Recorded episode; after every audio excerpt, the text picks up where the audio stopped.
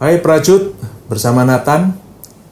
Hari ini kita membahas tujuan, tujuan perjalanan, perjalanan, dan kendaraan. Hai, hai Prajut. Selamat. Datang di Prajut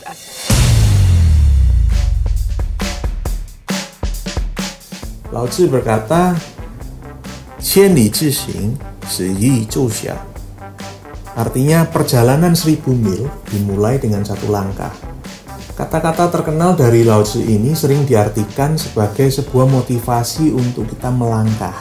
Tapi hari ini saya ingin mengajak kita berpikir lebih dalam mengenai hal ini. Sebelum kita tahu seberapa jauh kita harus melangkah, sebenarnya kita harus tahu ke mana sih kita mau pergi. Mimpi dan cita-cita yang kita miliki akan menjadi dasar untuk kita mengerti seberapa jauh kita harus melangkah dan medan seperti apa yang kita tempuh. Apa cita-citamu? Contohnya ya, ada seorang namanya Edwin. Dia ingin menjadi sebuah seorang musisi. Saat ditanya kenapa dia ingin menjadi seorang musisi, dia menjawab bahwa dia ini suka bernyanyi. Tapi yang nggak suka nyanyi lagu orang lain. Aku sukanya itu nyanyi lagu yang aku tulis sendiri.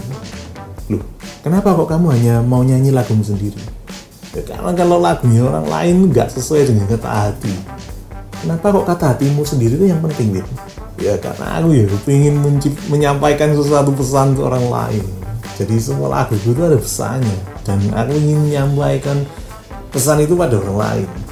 Kalau memang kamu suka menyampaikan pesan kenapa kok ingin jadi vokalis bukan hanya penulis lagu ya karena aku suka nyanyi di depan orang lain dan merasa orang lain tuh mendapatkan sesuatu dari musik yang aku tulis. Aku bisa merasakan rasanya menjadi pengaruh buat orang lain itu pembicaraan antara Edwin dan seorang yang lain. Alasan saya menceritakan tadi adalah, coba kita pikirkan, cita-cita atau tujuan Edwin bukan menjadi seorang penyanyi atau musisi sebenarnya. Cita-citanya itu menjadi seorang role model yang bisa menyampaikan pesannya melalui musik yang ditulis dan dinyanyikannya. Nah, musik itu sebenarnya adalah sebuah kendaraan yang dia uh, pilih untuk mencapai impiannya. Pertanyaan sekarang, perjalanan seperti apa yang harus dia tempuh untuk mencapai tujuan akhirnya? Coba bayangkan, kalau kamu milih, Win, kamu milih nyanyi lagu sendiri dilihat 20 orang, atau nyanyi lagu orang lain dilihat 20 ribu orang.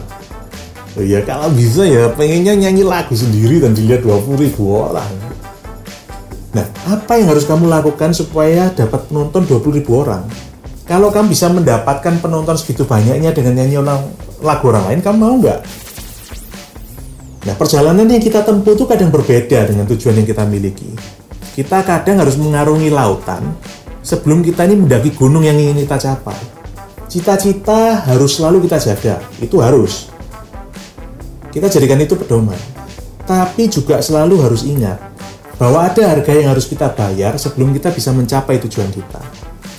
Tentukan tujuanmu, mulailah melangkah, mulai perjalananmu dan mulai membayar harga untuk mencapai tujuan.